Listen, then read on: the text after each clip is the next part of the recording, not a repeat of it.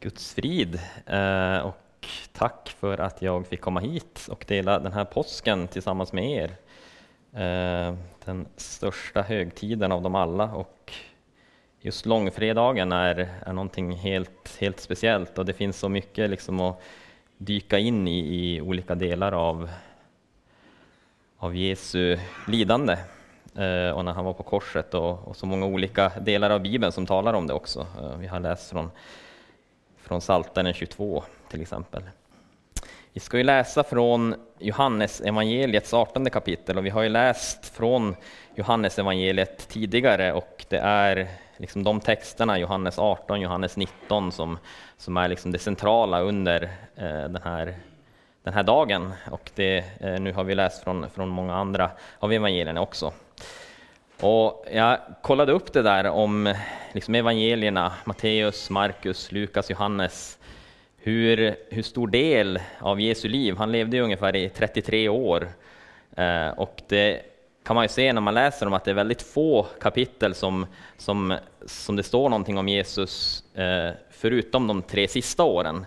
Men liksom den allra största majoriteten av eh, kapitlerna i de fyra evangelierna, det är liksom från Jesus sista tre år. Eh. Och sen är det några, några få kapitel eh, i till exempel Lukas där som, som talar om, om Jesu födelse och, och liksom det som händer tidigare i hans liv. Men det är som att, som att evangelierna, de, ja, Jesus levde 33 år, men så är det som att man zoomar in på de här sista tre åren. Um, och sen kan man se att, att det är liksom zoomat in ännu mer igen eh, på den sista veckan eh, som Jesus eh, levde före, före korsfästelsen. Um, och jag kollade upp det där och det är ungefär en tredjedel av alla kapitel i evangelierna eh, som är liksom den sista veckan eh, eh före korsfästelsen. Um, så det är liksom som att ja, de, sista, de sista tre åren av hans liv, det var liksom det som, man, som var det viktiga. Och sen är det som att man har zoomat in ännu mer på den sista veckan, att här, här behöver vi lägga stort fokus. Och just med Johannes så, så kan man se att, att han, han speciellt, när han skriver sitt evangelium, vi hörde det igår också, eh, om att han skrev sitt evangelium lite efter de andra tre. Och om man läser så märker man att han tar med en del saker som, som, eh, som de andra inte har med. Och han lämnar ute vissa saker som alla de andra har med. Så det är liksom som att han vill belysa vissa saker som, som, som han liksom har fått eh, i möte med Jesus och som han vill, vill dela vidare och det som, som anden då har uppmanat han till att, att teckna ner. Eh, och han, eh, tio av hans 21 kapitel i Johannes evangeliet, det är sista veckan, alltså Jesus sista veckan. Så nästan hälften av Johannes evangeliet fokuserar på den sista veckan. Eh, Står i, i, vers, eller i kapitel 12 så står det om att sex dagar före påsken, liksom, det, där börjar det. Och sen har vi ju kapitel 13 när han, eh, den sista måltiden, den första nattvarden, och, och så är det liksom dialog mellan Jesus och, och lärjungarna och det som kallas um, Jesu avskedspredikan. Eh, eh, och så är det liksom Jesus som talar till lärjungarna och sen i Johannes 17 då så är det Jesu bön, Jesu översteprästerliga förbön och så är hela kapitlet liksom en bön som, som Jesus ber till sin far. Och så har vi kommit till kapitel 18 då när Jesus fängslas. Eh, han, han blir förrådd av Judas, eh, han blir förnekad av Petrus, han har varit mellan, eh, han har varit inför Pilatus och så har han varit inför Herodes. Och så har han varit inför översteprästen och så kommer han tillbaka nu i Johannes 18 och vi ska läsa från vers 28 när han kommer till Pilatus. Så vi läser från Johannes kapitel 18 och verserna 28 till 40. Från Kaifas förde de sedan Jesus till pretoriet. Det var tidigt på morgonen. Själva gick de inte in i pretoriet för att de inte skulle bli orena utan kunna fira påsken. Pilatus, Pilatus gick då ut till dem och frågade Vad anklagar ni den här mannen för? De svarade Om han inte vore en förbrytare hade vi inte överlämnat honom åt dig. Pilatus sa till dem Ta ni honom och döm honom efter er lag. Judarna sade, vi har inte rätt att döma någon till döden. Så skulle det ord uppfyllas som Jesus hade sagt när han angav på vilket sätt han skulle dö. Pilatus gick tillbaka in i pretoriet och lät kalla fram Jesus och frågade, är du judarnas konung? Jesus svarade, säger du detta av dig själv eller har andra sagt det om mig? Pilatus svarade, jag är väl inte jude, ditt eget folk och översteprästerna har överlämnat dig åt mig. Vad har du gjort? Jesus svarade, mitt rike är inte av den här världen. Om mitt rike vore av den här världen hade mina tjänare kämpat för att jag inte skulle bli överlämnad åt judarna. Men nu är mitt rike inte av den här världen. Pilatus sa, du är alltså en konung. Jesus svarade, du säger själv att jag är en konung. Ja, för att vittna om sanningen är jag född och därför har jag kommit till världen. Var och en som är av sanningen lyssnar till min röst. Pilatus sa till honom, vad är sanning? Efter att ha sagt detta gick han ut till judarna igen och sa till dem, jag finner honom inte skyldig till något brott. Nu är det sed att jag friger en fånge åt er vid påsken. Vill ni att jag skall frige judarnas konung åt er? Då skrek de, inte honom utan Barabbas. Men Barabbas var en förbrytare. Amen. Herre, detta var ditt heliga ord. Helga oss i sannhet. Ditt ord är evig sanning. Amen.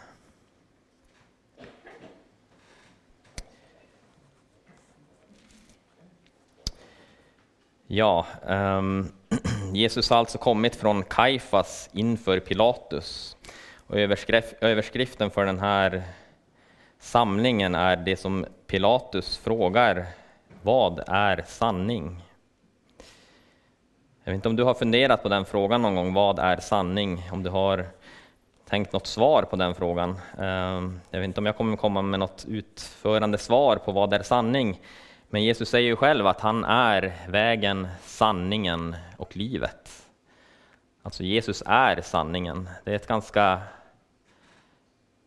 radikalt utsagn att han liksom är sanningen. Det är han, personen Jesus Kristus, som är sanningen.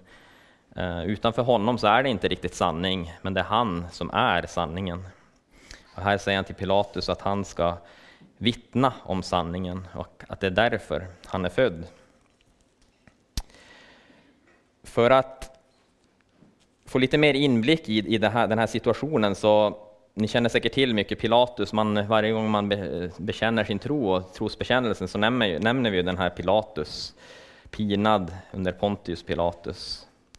Han var eh, landshövding i Judeen på den här tiden och eh, det här pretoriet som det står om, det är, det är där vart, ja, men hans palats helt enkelt, där vart han bodde. de förde då Jesus till pretoriet, till där vart Pilatus bodde. Och, och nu eh, ser vi här att ja, men Pilatus han var ju en, en, liksom en makthavare, en politiker som, som säkert ville ha makt. Men man märker någonstans att det är en slags kamp inom Pilatus när Jesus kommer till honom. Det var inte bara liksom att ja, ja, gör vad ni vill med honom. Han, han var ändå på något sätt lite engagerad i att men, den här mannen är ju oskyldig. Så det var som att Pilatus förstod att han var oskyldig och försökte, eh, det står att, han, att Pilatus senare i kapitel 19, att Pilatus försökte frige honom. Alltså det var ändå någonting som en, en, liksom en romersk makthavare, en romersk politiker, han hade någon, något slags intresse av att Jesus skulle bli frigiven. Eh, det var någonting, ett intryck han hade fått hos Jesus som ändå gjorde att det var någon slags kamp här eh, i Pilatus, att det här är ju en oskyldig man. Eh, men som vi vet så, så, så vek han ju ner sig för de andra och för de hoten som kom Eh, och, och dömde Jesus, eller gav ut Jesus till att, till att korsfästas. Um, och de har ju en dialog här att um, han frågar eh, fariseerna liksom vad de anklagar mannen för. De har ju liksom ingenting att komma med. Det de svarar är ju bara att om han inte vore en förbrytare hade vi inte överlämnat honom åt dig. Som att det är liksom en självklarhet att han är en förbrytare. Det var, de ville bara att han, ja men Pilatus skulle, skulle, skulle avrätta Jesus. Eh, men så försöker han få, få tillbaka honom till dem, då, men de har ingen rätt att, att döma honom till döden. Så frågar han Jesus om han är judarnas konung och Jesus, som han ofta gör, ställer en motfråga. Eh, och så kommer det här då att Jesus berättar om att hans rike är inte av den här världen.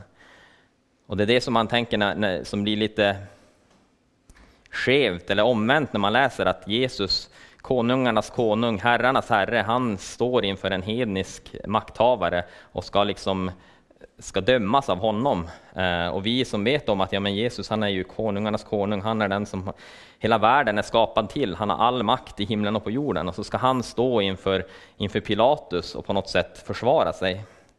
Men så säger han att mitt rike är inte av den här världen, det är inte här, det är inte här han, han ska regera. Men, men så svarar då Pilatus att ja, men så du är en konung, du, det är något slags rike som du, som du är en konung i.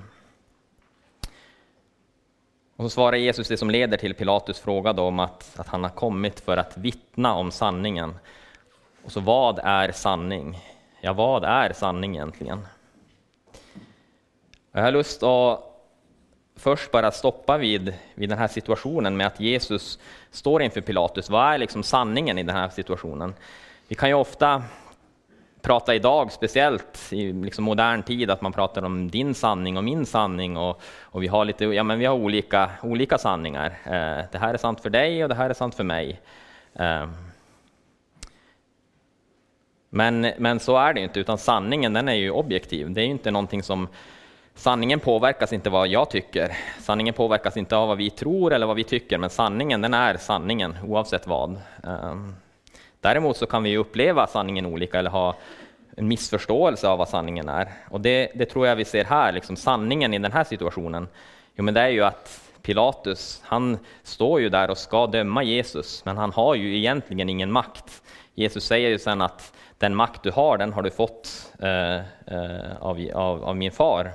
Eh, det är inte, Pilatus har ingen makt i sig. Men från Pilatus perspektiv så, så, är han ju där och han är ju en makthavare. Han har ju makt, tänker han i sina händer där, att, att han har Jesu liv i sina händer. Ehm, men sanningen är ju den att Jesus, det är han som har makten. Och något som jag har hört från en predikan i från en, en norsk predikant som ställde frågan Eh, i en predikan vem tog livet av Jesus? Vem tog livet av Jesus? Kanske, kanske ni kan fråga er själv, och det kan, kan man tänka finns många olika svar på den frågan. Ja, men vem, vem tog livet av Jesus? Um, kan man tänka att ja, men Pilatus han var ju delaktig i det, han liksom gav ut honom och ja, men romarna, de, de, det var ju de som uträttade straffet, det var de som spikade fast honom och det var de som korsfäste honom. Um, så det sa den här predikanten att ja, men det, kan, det kan vara ett, ett svar på frågan, uh, att det var romarna som tog livet av Jesus. Så kan ett annat svar vara att ja, men det, var, det var judarna som tog livet av Jesus. Det var judarna som, eh, som eh, lämnade ut honom, det var de som anklagade honom, det var de som såg till att han, att han liksom hamnade i den här processen och det var de som låg bakom det här och, och såg till att, att Jesus blev korsfäst. Så man kan säga att judarna var del i att ta livet av Jesus. Så kan man tänka att när man pekar på någon som ni säkert har hört, så pekar med ett finger så pekar tre fingrar tillbaka på en själv. Eh, och om man pekar på, på judarna och romarna, att det var de som tog livet av Jesus. Men så vet ju vi att det var ju min synd som, som gjorde så att Jesus fick gå korsets väg. Det var ju min synd som han bar. Eh, det var jag som var delaktig i att, att Jesus var tvungen att, att, att gå korsets väg och, och dö för mig. Så det var ju på något sätt mitt fel. Eh, jag var ju också del i att ta livet av Jesus. Det var ju min synd han bar. På en annan plats så står det, det står i Jesaja 53 att, att att, ehm, att det var fadern som, som liksom, och vi har det som bilden i Abraham när han offrade Isak, att det var, att det var fadern som offrade sonen. Det vet vi också, att ja, men det var fadern som, som liksom utgav straffet, utgav domen på ett, på ett kanske annat plan, eh, på ett liksom större plan. För det här är ju bara liksom mänskligt att Jesus hängde på korset, men att, att det var Fadern som offrade sin son. Så kan man tänka att det är också ett svar, att ja, men det var Fadern som tog livet av Jesus. Men så svarar faktiskt Jesus själv på den här frågan i Johannes 10. Johannes kapitel 10 eh, och vers 17.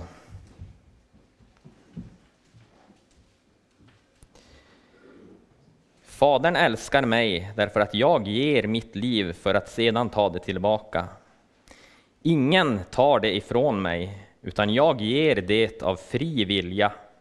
Jag har makt att ge det och jag har makt att ta det tillbaka. Det budet har jag fått av min fader. Så Jesus svarar på den här frågan, vem tog Jesus liv? Ingen tar hans liv ifrån honom, men han ger det av fri vilja. Det var ingen som tvingade Jesus att gå korsets väg. Det var ingen som tvingade Jesus att stå där under Pilatus och, och bli slagen och pinad och plågad och bära vår synd. Men här säger han att han själv har makt att ge sitt liv.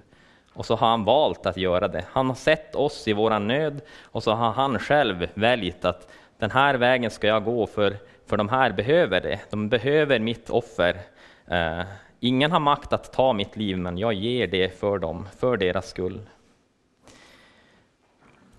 Och så står han inför Pilatus, och så det är liksom sanningen som, som inrymmer det här när, när han står inför Pilatus så är sanningen att ja, men Jesus han är där av fri vilja. Det är han som har valt att stå där. Och det är Pilatus makt, den makt som Pilatus har, den, den har han fått av sin far.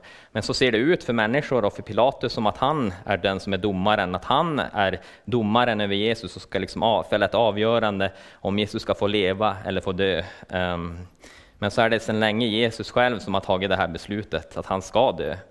Och vi ser ju tidigare också när, när de liksom planerar när de ska när de ska sätta dit Jesus, när de skriftlärda och fariséerna, när de liksom planerar att sätta dit Jesus, så säger de till och med att Nej, men vi kan inte göra det under påsken, inte under påsken. Eh, eh, det var liksom deras plan, att, att inte, inte sätta dit Jesus under påsken. Men Jesus plan, det var att det skulle ske under påsken, och det skedde under påsken. Så ser vi liksom här att, ja men vem är det som har makten. Vad är sanningen i, i det här förhållandet mellan Jesus och Pilatus? Jo, men det är att det är Jesus som har makten. Han är där av sin fria vilja och Pilatus är, är bara där och har den makt som, som han har fått av någon annan. Och så tänker jag att det kan vara så i, i våra liv också, det här att vi kan ha problem med den här sanningen. Vem är det egentligen som är i domarsätet i våra liv. När du läser din bibel, eller när jag läser min bibel, är det då jag som sätter mig som en domare över Guds ord och tänker att Nej, men det, här, det här passar inte riktigt in i, i hur jag förstår det, eller hur jag vill leva, eller vad jag vill eh, säga, eller, eller vad jag tror om Gud. Eh, och så kan vi ibland kanske sätta oss som domare själva över Guds ord, över Gud, vad vi tycker att Gud ska vara, vad vi tycker att Gud ska säga till oss. Och så är det liksom, nej, men vi väljer bort vissa saker och det där, det där gillar jag inte och så, och så hoppar man över det och så, och så väljer man att plocka lite. Eh, så blir det som jag som är domare över Guds ord. Jag blir domare över Gud och bestämmer liksom, nej, men det här är bra av Gud och det här är dåligt av Gud och så tar jag det som är bra av Gud och så är det jag som liksom plockar ihop eh, vad jag vill tro om Gud. Men det är ju inte sant. Det är fortfarande Gud som är domaren. En annan situation där vi kan sätta någon annan än Gud som domare, det är när vi kanske ska berätta om Gud till andra människor. Vi ska berätta om, om vem Gud är. Så kan vi ibland sätta upp andra människor som domare och tänka att nu, nu måste jag presentera Gud på ett sätt så att den här personen dömer Gud som godkänd. Och så ska jag liksom försöka presentera Gud för de här människorna och så hoppas jag att nu, hoppas det här blev bra nu så att de känner att ja men det här, den här guden, den vill jag köra på. Och så ska jag liksom försöka berätta om Gud på ett sätt som passar dem, eh, för att jag har upphöjt dem till domare. Och så hoppas jag att, ja men, nu hoppas jag att, att Gud blir godkänd i deras ögon. Eh, att Gud liksom klarar provet. Eh, nu har jag berättat om Gud på det här sättet och så hoppas jag att, att de liksom dömer till fördel för Gud. Men så är det också helt, helt bakvänt. Eh, det är ju inte sant om Gud, det är inte sant att det är vi som människor som är domare. Eh, men det är Gud som är domare.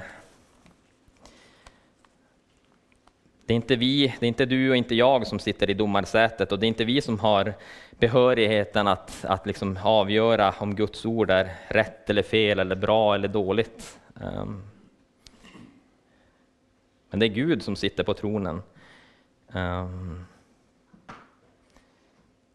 Och han i sitt ord, det han talar till oss, det är hans ord. Och han dömer oss i sitt ord. Han som konungarnas konung, han som har skapat oss, han som älskar oss, han som har friköpt oss, han har full rätt till all vår uppmärksamhet, all, vår, all vårt tjänande till han, all vår kärlek till han, all, all vår vilja eh, förtjänar han att få av oss. Och så bedömer han oss, och så är det han som sitter på tronen och bedömer oss. Ja, men är de här godkända i mina ögon? Är de här liksom godkända i, i, enligt det jag har sagt? Klarar de provet och så är det Gud som sitter på tronen och så är det Jesus som sitter på tronen och så är det han som är domaren. Eh, så i det här mötet med Pilatus så är det ju liksom, egentligen så är det Jesus som är den domaren. Det är han som är Gud och det är Pilatus som är en människa som ska, ska liksom stå under hans dom. Och så ska Gud bedöma, ja men har du varit självisk? Har du levt mot hans vilja? Har du följt hans ord?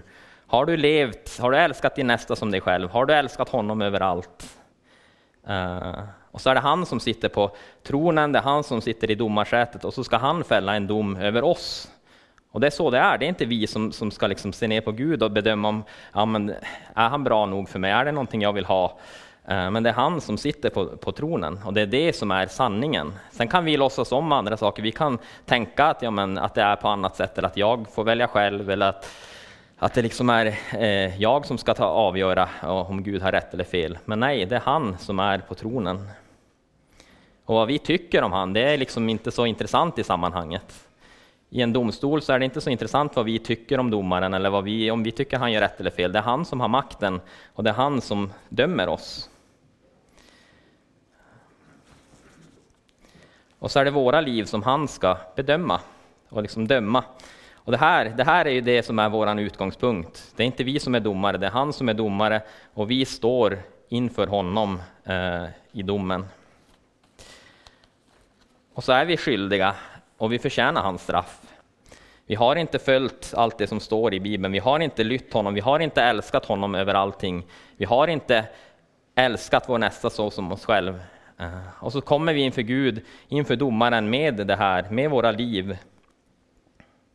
Och så har vi ingenting att säga till om. Det finns ingen högre instans vi kan vända oss till när Gud fäller sin dom över våra liv. Det finns ingenstans vi kan överklaga eller liksom gå och vända oss någon annanstans. När han sitter på makten, han sitter med avgörandet. Men så läser vi här att Jesus, han kommer inför Pilatus och så väljer den här domaren själv att stiga ner på våran plats. Han, han som sitter på domarsätet, han som sitter med all makt och har rätt att döma oss. Han har själv stigit ner och ställt sig på våran plats inför domen. Och så har han valt att ta på sig allt det här som vi skulle dömas för, allt det här som vi, eh, vi, vi skulle stå dömda som. Det har han tagit på sig och burit allting på sina axlar. Se Guds lamm som tar bort världens synd. Han bar hela vår syndaskuld. Det står i, i tredje Mosebok eh, om den stora försoningsdagen så står det om ett synd, en syndabock, en bock som man liksom skulle, skulle lägga all Israels folks synd på och så skulle den liksom gå ut i öknen med synden, med allt det som, som Israels folket hade gjort fel. Det skulle liksom läggas över den här bocken och så skulle den bara gå iväg. Och så var det som att man kunde se att ja, men nu, där går våra synder iväg. Och så är det här ordet syndabock, det är någonting som man använder idag med att, ja, men i olika sportsammanhang kanske, att man spelar som ett lag och så måste man, förlora man så måste man utse en syndabock. För det kan inte vara mitt fel, utan det måste, vi måste hitta en syndabock så att jag blir utan skuld. Så lägger man liksom all skuld på en syndabock. Det är det som är en syndabock. Och så har han skulden. Så kan jag gå fri, för det var inte mitt fel att vi förlorade, det var ju hans fel. Så kan jag liksom gå fri och, och behöver inte ha någon del i, i skulden. Och så är Jesus den här syndabocken inte för att vi har valt att, att liksom hitta en syndabock, men som det stod, av hans fria vilja så valde han att ta, ta, på sig den här synden. Han valde att bli världens syndabock och ta på sig hela världens synd. Och så är det så fantastiskt, vi kan läsa det också i Jesaja 53.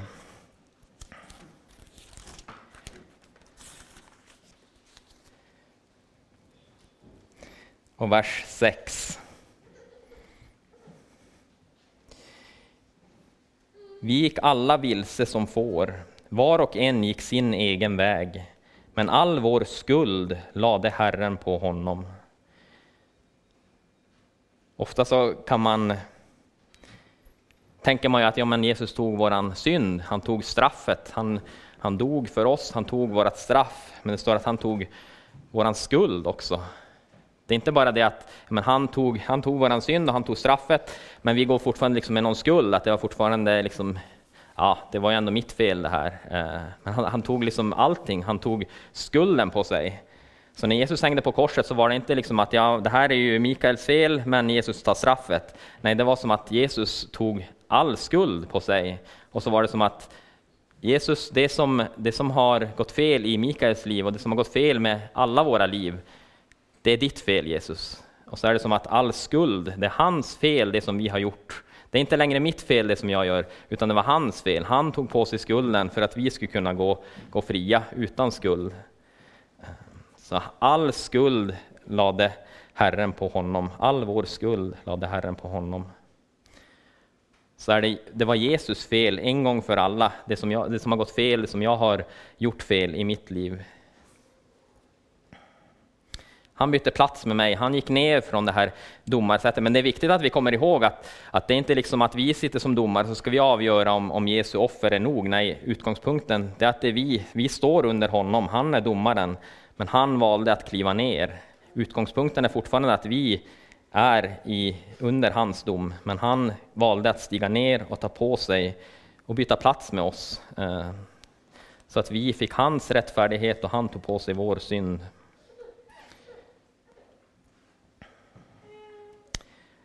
Så kommer vi tillbaka till det här, ja det står ju det också kan vi läsa, det står vissa platser i, när Jesus är inför Pilatus att han, att han teg, att han var tyst. Han sa ingenting.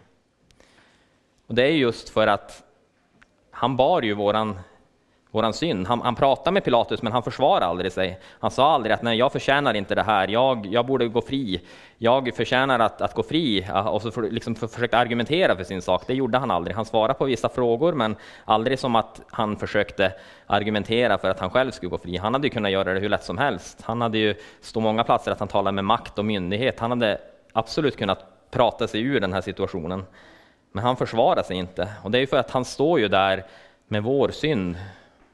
Och då har han ingenting att säga till sitt försvar. Och vi ser ju det i, i Saltaren 22 som vi läste också. I vers 6. Vi kan läsa vers 5 också. Och det här är ju, den börjar ju Saltaren med Min Gud, min Gud, varför har du övergivit mig? Det är ju det Jesus säger när han, när han hänger på korset. Um, på den här tiden så hade de inte liksom numreringar på salmerna utan sättet man, man eh, tog upp salmer på det var ju att, att, citera första versen. Så när Jesus hänger på korset och säger Min Gud, min Gud, varför har du övergivit mig? Så är det ju de liksom kunniga i, i, i salmerna, de tänker ju på psalm 22 som vi kallar det idag. Och så är ju det liksom eh, fram till vers 21, det här Jesu lidande på korset. Men så står det i vers 5, på dig förtröstade våra fäder, de förtröstade och du befriade dem. Till dig ropade de och fick hjälp, på dig förtröstade de och kom ej på skam. Alltså hela tiden i, i hela historien, Israels folks historia, när någon har ropat på Gud, när någon har ropat efter Guds hjälp, så har Gud befriat dem. Han har kommit till deras hjälp, han har kommit till, till deras räddning. Genom hela historien, och det är det som står här i Psaltaren 22, att Gud har befriat dem. När de har förtröstat, när fäderna har förtröstat på honom, så har han befriat dem, och de kom ej på skam. När de har ropat till honom så har de inte behövt skämmas för att de har litat på en Gud som, som inte kan hjälpa. Men genom hela historien så har de som har ropat på Gud har fått hjälp. Men så står det i vers 7, men jag är en mask och inte en människa. Så genom hela historien så har människor fått hjälp när de har ropat på Gud. Men när Jesus ropar på Gud med våran synd på sina axlar, då finns det ingen hjälp att få från Gud. Han måste ta straffet. Han måste lida döden för vår skull. Eh, för att vi inte ska behöva stå där inför Gud och på den dagen behöva ropa och inte få något svar. Men jag är en mask och inte en människa.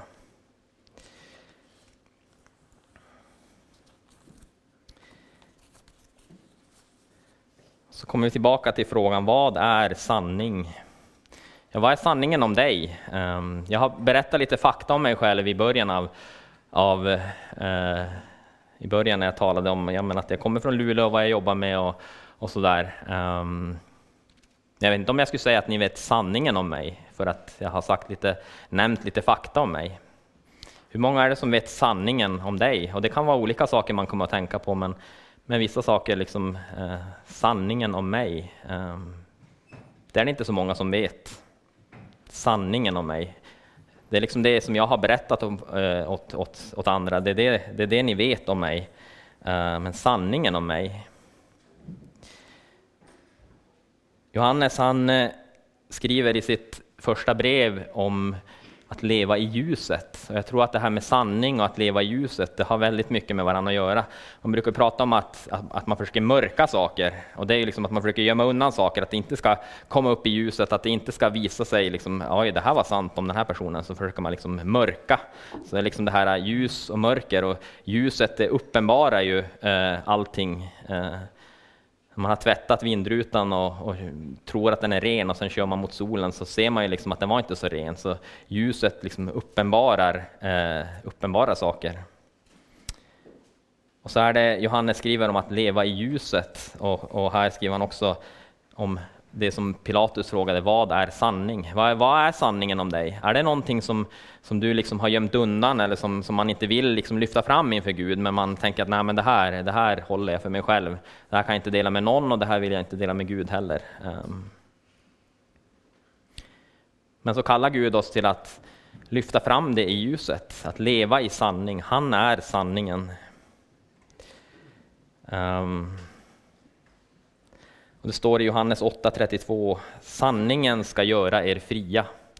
Vi kan tänka att sanningen, ja men när saker ska fram i ljuset, att ja men det är ont och det är lite jobbigt och så är det ju med ljus också. Har man legat i ett mörkt rum och sovit och så kommer någon och slår på fullt ljus i rummet så blir man, det sticker i ögonen, man blir irriterad och, och sådär. Eh, men, eh, men så står det, sanningen ska göra er fria. Och det tror jag är mycket av, i alla fall för mig har det varit liksom nyckeln i kristna livet, att leva i ljuset. Förut tänkte jag det här med att ja, men leva i ljuset, det var att man lever bra. Det är att man lever, ja, men man lever inte i några stora synder, utan man lever ganska bra. Och leva i mörkret, det är att ja, men då har man mycket synder liksom, som, man, som man lever i. Och, och det stämmer ju delvis, men, men det är inte, inte alls så att, att den som lever i ljuset lever utan synd. Men den som lever i ljuset, den lever inför Gud med sitt liv. Den lever inför Gud med sina synder. Den berättar för Gud, det här har jag problem med, det här lyckas jag inte med, det här får jag inte till, det här har jag problem med i mitt liv. Ehm, och så lever man i ljuset, man lyfter fram det inför Gud, man berättar det inför Gud. Man, man, eh, det är inte liksom någonting som man försöker trycka undan, gömma undan och sen på domens dag så ska det liksom plockas fram, för då kommer ju allting komma in inför ljuset. Allting kommer komma uppenbaras inför honom, allting kommer komma fram på domens dag. Men så, så får man ju, om man lever i ljuset här och nu, så får man lyfta fram det här och så får man berätta vad som har gått fel och så får man ta emot förlåtelsen.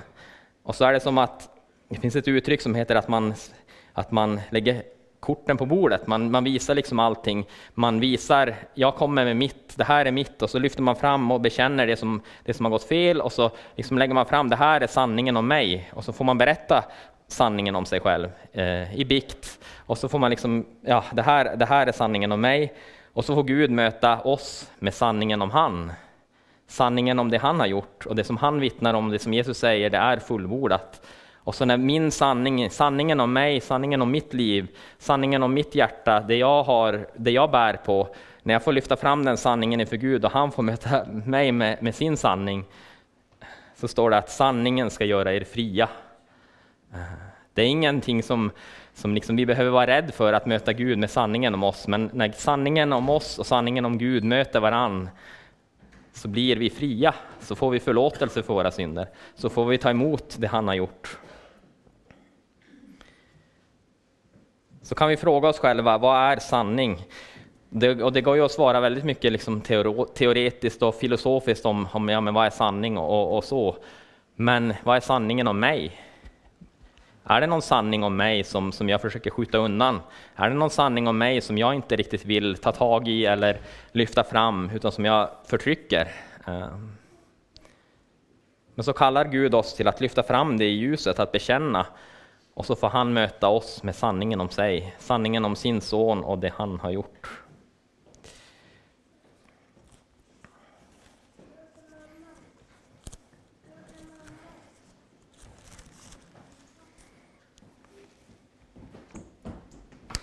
Pilatus, han eh, var en man som inte var så intresserad. Vad, vad vi kan läsa i alla fall så, så frågade Pilatus den här frågan, vad är sanning? Men så står det direkt, efter att ha sagt detta gick han ut till judarna igen.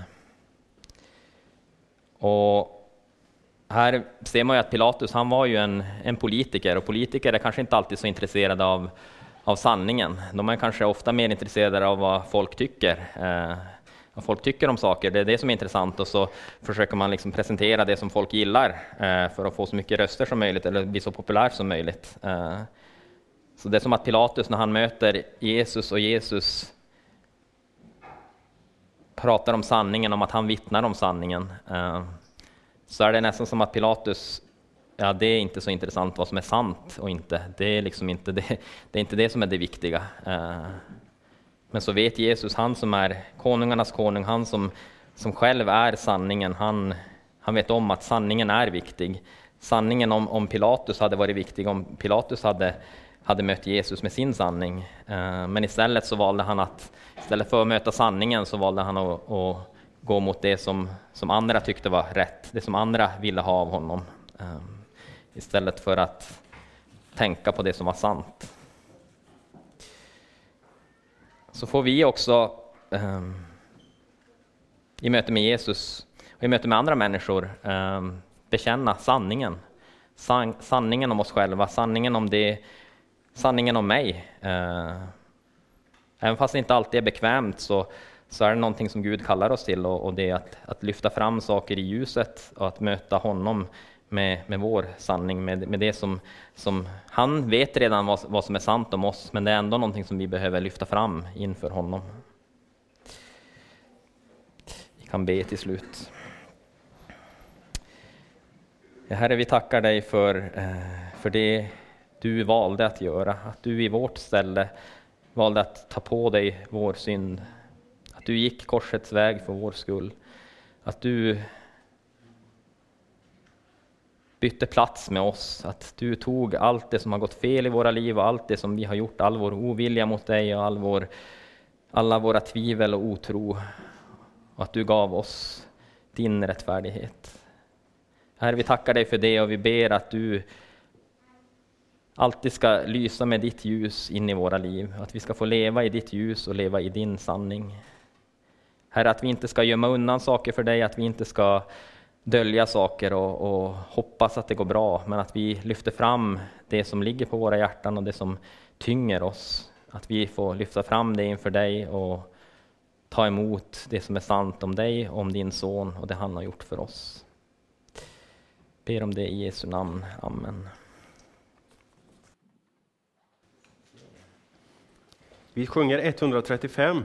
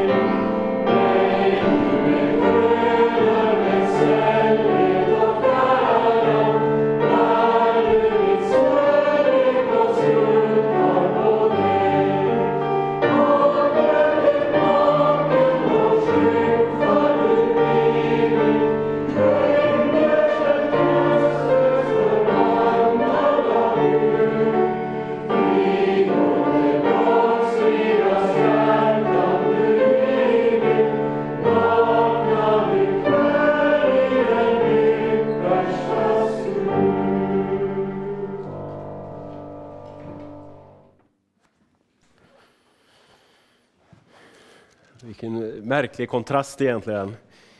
Sanningen själv led förbannelsens smärta, ljugande släktet det renas med blod.